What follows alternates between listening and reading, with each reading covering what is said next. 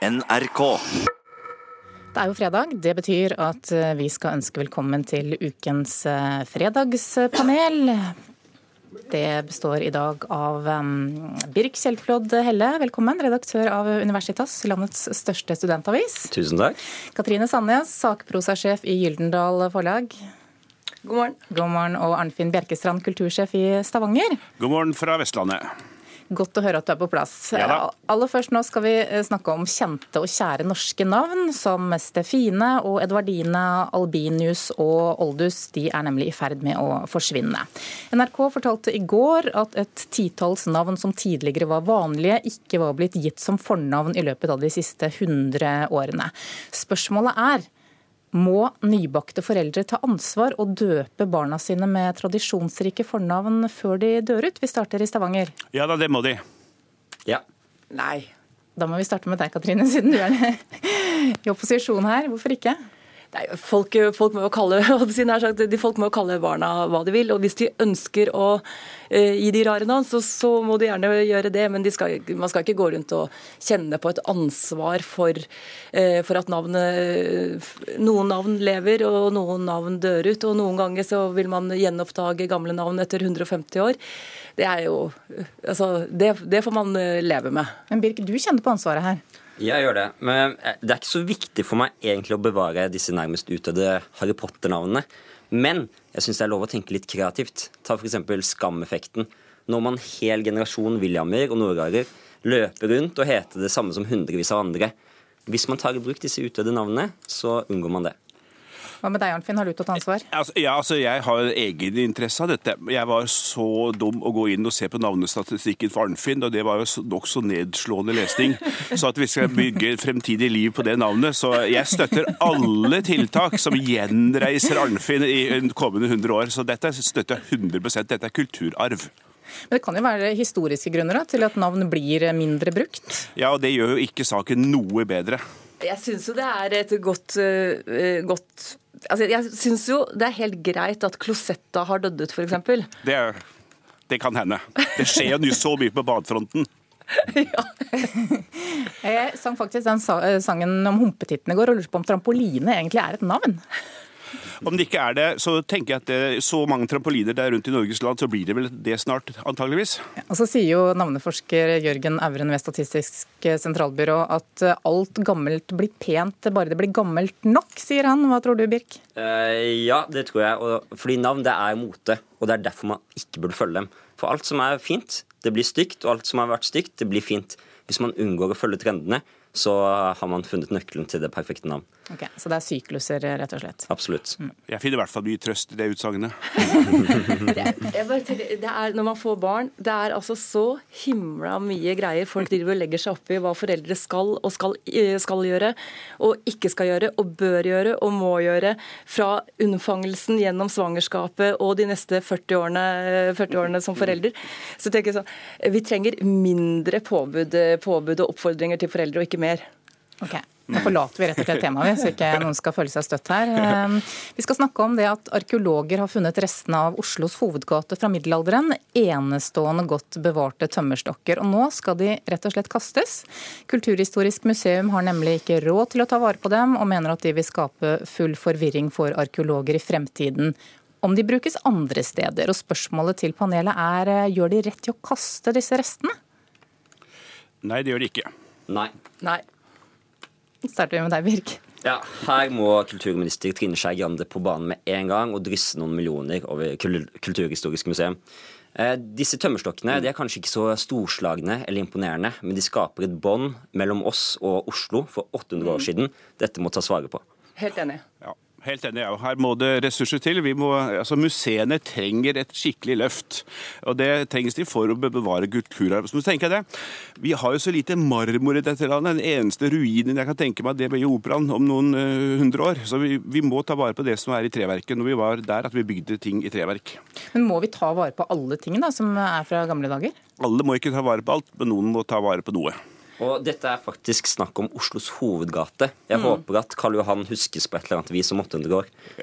Nei, jeg, tenker, jeg, tenker, at Den norske historien er jo uh, veldig kort. Altså, mm. vi, har, vi, har, veldig lite Vi har jo veldig lite som vi har tatt vare på som er altså, ordentlig gammelt. Mm. Og her, man, her, graver man jo da opp noe som egentlig er helt fantastisk. Mm. Og som knytter en veldig sterk forbindelse til Oslo i dag. Eh, på sitt mest prangende i det området som skal stå igjen som Olje-Norge, som en bauta over Olje-Norge, og får en direkte forbindelse tilbake til, til middelalderen. Tenker, det, er noe, det er noe, virkelig noe storslagent eh, over det, som vi liksom bare skal, eh, skal uh, la renne ut mellom, uh, mellom, fingrene på oss, og ikke se verdien av, verdien av når det skjer.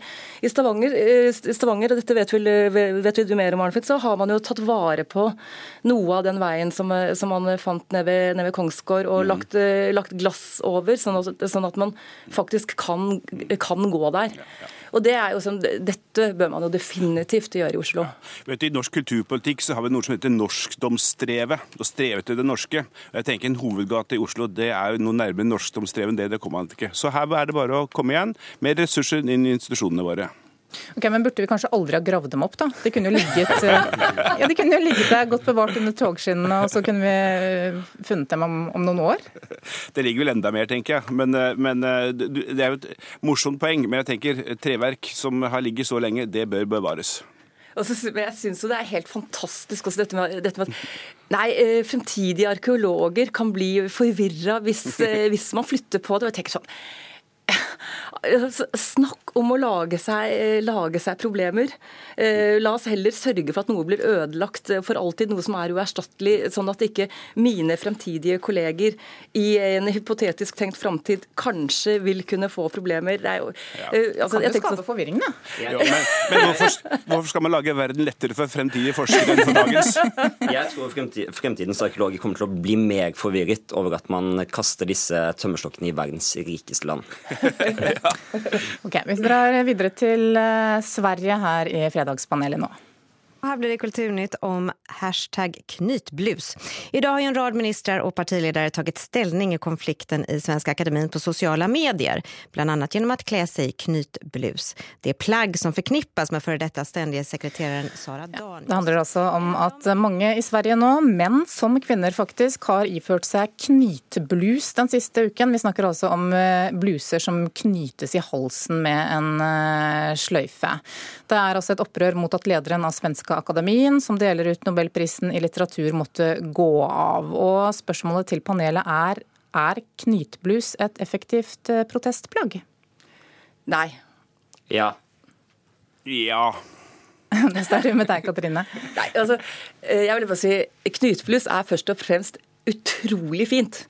Så jeg mener at alle bør egentlig bruke knytbluser, Men, menn som kvinner, hver dag. Eh, men, men eh, som, så jeg vil jo synes det er synd om knytblusene blir, blir, isolert til dette. Men når, når det er sagt, så syns jeg jo det er ganske morsomt hvordan dette, hvordan dette spontane skjer i øyeblikket der og da, og hvordan det, hvordan det blir, blir, et fenomen. Jeg syns det er morsomt å se på, men, men øh, jeg tenker jo, Jeg jeg lurer jo liksom samtidig litt på øh, hva er det hva er det man egentlig tar stilling, tar stilling til her, da, med, med, knytblusene? Jeg var litt spent da dere kom her i dag. Jeg eh, tenkte noen kanskje hadde tatt på seg en knytblus. Ingen av dere to i studio. Hva med deg, Arnfinn? Nei, eh, for å si det sånn, det å gjenreise knytblus, eller altså, for å si det sånn, det er ikke mitt favorittplagg. Det må jeg kunne innrømme.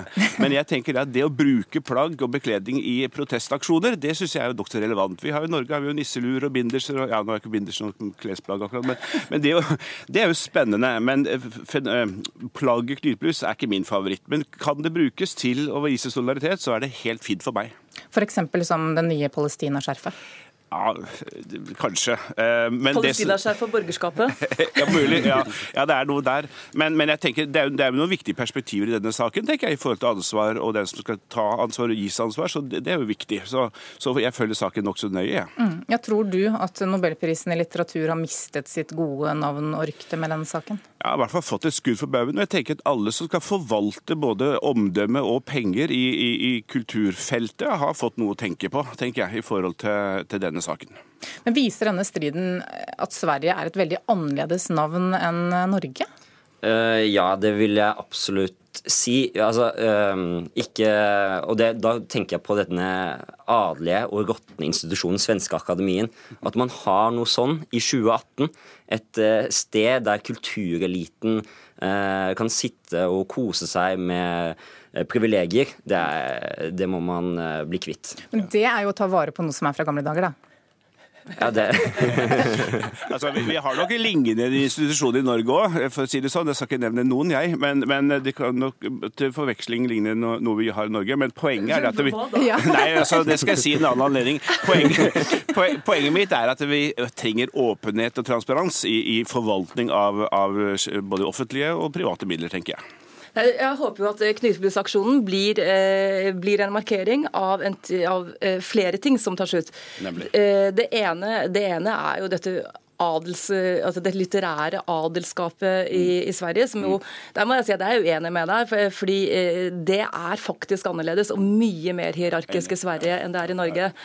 Og, og det, andre, det andre er jo eh, ikke sant, sånn at Knytblusen er jo også en klassemarkør Ja, ja. for, for, for, eh, for en litterær institusjon som er så høyborgerlig eh, over grense, altså over, og, og verre, verre enn det.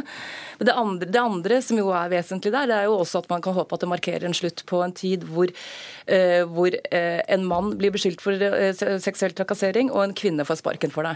Helt enig med deg. Norge er et annet land enn enn Sverige, men mitt poeng var bare at vi har jo ting her, vi òg. Nå må vi gi oss. Klokka nærmer seg 8.30. Dagsnytt står på trappene, og det skjer akkurat nå.